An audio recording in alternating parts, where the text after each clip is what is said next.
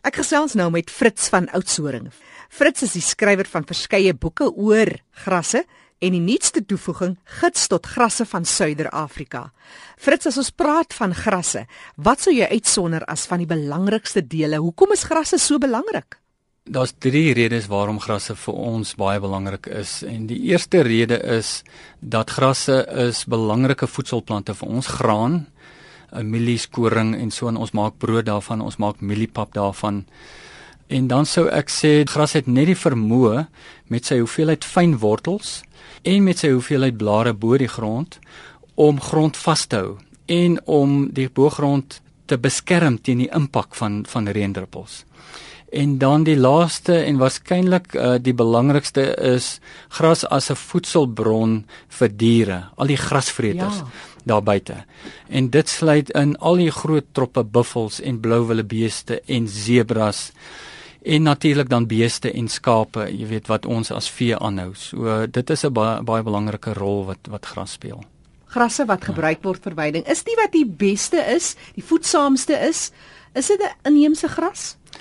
Ja, kyk Suid-Afrika is bekend daarvoor of Afrika eintlik is bekend daarvoor uh, om baie goeie weidingsgrasse te hê. Omtrent 90% van die aangeplante weiding wat aangeplant word in die somerreën en subtropiese gebiede van Suid-Afrika is oorspronklik van Suid-Afrika af. Nou baie van hierdie grasse is versamel oorspronklik in Suid-Afrika en Afrika en dan na ander lande toe gevat, verbeter daar Byvoorbeeld in Australië is baie werk gedoen om om aangeplante weiding te selekteer en te verbeter.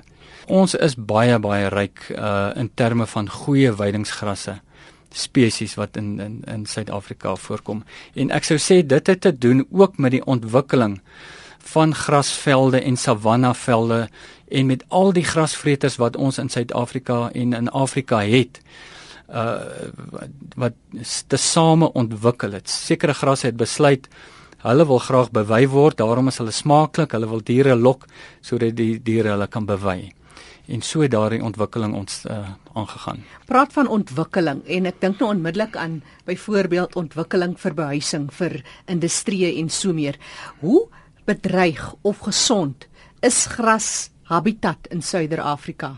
Ek dink uh die menslike ontwikkeling het natuurlik 'n groot impak op op die gesondheid en op die diversiteit, jy weet, van ons grasvelde. Daar is uh seker nie veel wat ons aan die ontwikkeling kan doen nie. Al wat ons wel kan doen is om seker te maak dat die natuurlike veld wat nog oor is, ten minste dan goed bestuur word sodat dit in terme van uh, spesiediversiteit, jy weet, in 'n goeie toestand bly laat ons ten minste die spesies kan bewaar in gebiede wat nog natuurlik is en wat nie ontwikkel is of geraak is deur mynbou of miskien die aanplant van gewasse en so aan nie. En nou praat jy daarvan en jy praat van veldbestuur eintlik so indirek. Jy's ook uh, as as konsultant praat graag met boere. Jy gee jou kursusse en so meer, né, Fritz? Ja, ek bied uh, ek is 'n konsultant en ek ek bied grasidentifikasie kursusse aan. So uh tydens my kursusse uh leer ek mense hoe om grasse te identifiseer en ek leer sommer terselfdertyd vir hulle 'n klompie van die meer algemene grasse laat hulle ten minste wegstap met met iets om mee te begin. En dan dikwels het ek ook uh met boere uh kom ons 'n dag of twee bymekaar, dan praat ons oor die grasse wat in hulle omgewing voorkom. Ons praat oor die basiese beginsels van van veiding en hoe om om goeie beweiding toe te pas sodat die veld uh in 'n goeie toestand bly of om selfs dan die veld te verbeter, die draagkrag te verbeter. Vertel ons meer oor die verskillende groepe van grasse. Hoe sou jy dit indeel? Jy het grasse wat jou hoogs smaaklike grasse is, wat jou goeie weidingsgrasse is en wat uh, as daar oorbeweiding is, daardie grasse gaan minder en minder word. Dan het jy weer 'n groep grasse, grasse wat toeneem wanneer daar oorbeweiding is. Daar's selfs grasse wat toeneem wanneer daar onderbeweiding of onderbenutting is. So daar's verskillende vlakke van grasse en uh deur hierdie vlakke in ag te neem, kan jy dan uh 'n uh, veldtoestandbepaling ja. doen om te bepaal is jou veld onderbewei, is hy oorbewei of is hy net reg optimaal bewei. Want daar's twee goed wat jou jou draagkrag bepaal. Dis die kwaliteit en die kwantiteit. So die kwantiteit word beïnvloed deur hoeveel reën jy in jou area kry. Die kwaliteit word beïnvloed deur watter grasse daar is. En watter grasse daar is, word beïnvloed deur die omgewing, maar ook deur die bestuur, want as daar oor 'n langtermyn oorbeweiding was, dan is die smaaklike grasse uitgevreet en dan is daai draagkrag net laer en die kwaliteit weiding is swak.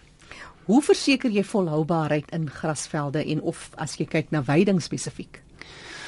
Ek dink daar is 'n paar uh, bel belangrike beginsels wat mense moet in ag neem en hierdie beginsels uh kan 'n mens in die natuur sien waar daar nog nie eintlik verstoring is nie. Kom ons sê nou maar in Oos-Afrika het ons die Serengeti en die Masai Mara waar daar nog migrasies is en daar nog nie eintlik uh kampe is in Swani. So as 'n mens kyk na wat hoe hoe die weiding daar plaasvind, beweeg die diere baie rond na groener weivelde toe.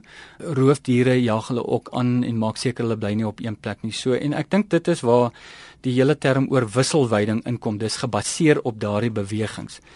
So om dit volhoubaar te doen, sou ek sê mens moet wisselweiding uh, kan toepas.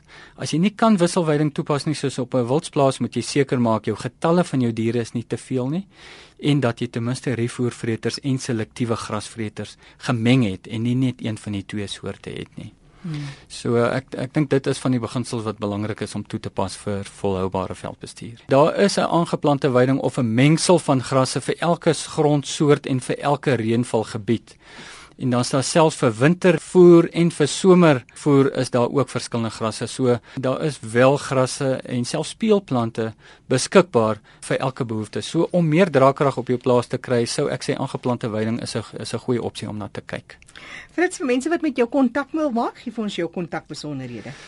Ek gaan my my selfoon en my e-posadres gee. My selfoon is 078 228 0008 En dan is my e-posadres is Fritz Fritz met 'n S, onthou nie met 'n Z nie, by Alut en ek gaan daai Alut spel is A L U T in Engels A L U T.co.za. Ek herhaal gou die kontakbesonderhede. Fritz se selfoonnommer 078 228 0008 of sy e-posadres fritz met 'n s op die einde fritz by alut.co.za www.rsg.co.za.